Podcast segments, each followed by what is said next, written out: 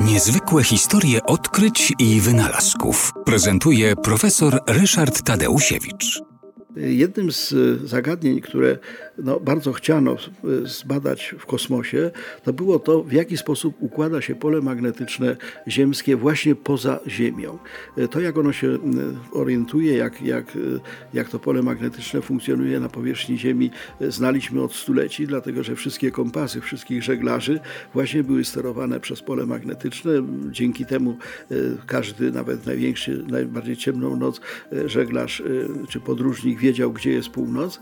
Natomiast co jest tam wyżej, tego, tego nie wiedziano. Były różne teorie na temat tego, jak to pole magnetyczne się układa, a to nie była sprawa zupełnie błaha, bo to można było od tego uzależnić model w ogóle powstania tego pola magnetycznego. Nikt nie wiedział, dlaczego Ziemia posiada pole magnetyczne. Była pewna teoria o takim e, wirującym e, metalowym z roztopionego żelaza jądrze Ziemi, no ale to wszystko trzeba było właśnie zbadać z powierzchni kosmosu.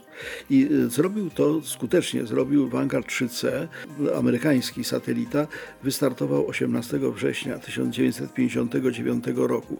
On był też troszkę pechowy na początku, nazywał się Vanguard 3C, no bo na początku dwie próby się nie udały. Natomiast no, ta, ten, ten e, satelita dotarł na orbitę, był niewielki, to była kula o średnicy 50 cm, ale miał na, na sobie dodatkowy taki stożkowy magnetometr, bardzo, bardzo malowniczo w związku z tym wyglądał. E, miał wagę 22 kg, no i nadawał przez 85 dni. Właściwie na temat tego, co y, ten satelita zebrał, już potem nic więcej dodać nie trzeba było.